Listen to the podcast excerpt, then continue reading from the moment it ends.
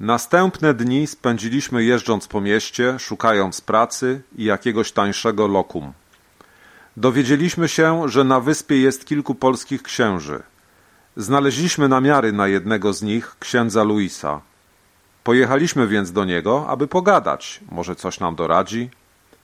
Był bardzo zaskoczony, kiedy przywitaliśmy go tekstem Dzień dobry, słyszeliśmy, że jest ksiądz Polakiem. Ksiądz Luis doradził nam, żebyśmy się skontaktowali z innym polskim księdzem, Matiasem, ksiądz Maciek, który ma swoją parafię w okolicznym miasteczku. Zaoferował się też, że może nam pomóc w nauce języka, jako że z hiszpańskim kontakt ma już od 18 lat. Wcześniej mieszkał w Argentynie, a na Kanarach przebywał dopiero od roku. Od tego więc dnia prawie codziennie wieczorem spędzaliśmy u niego dwie godziny na pilnej nauce języka.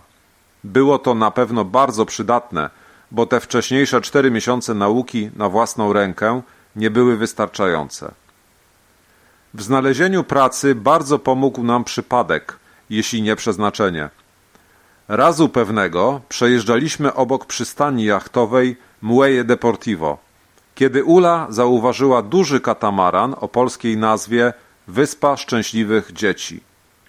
Podjechaliśmy tam i zagadnęliśmy bardzo sympatyczną Polkę.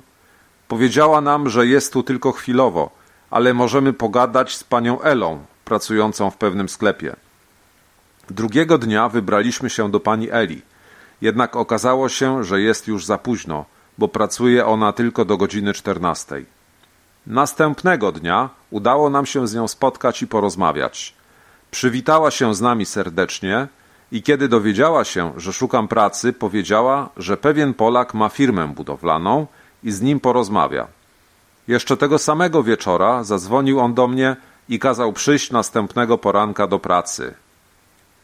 Szybko udało nam się też znaleźć pokój do wynajęcia. Za 200 euro na miesiąc byliśmy więc już prawie na swoim.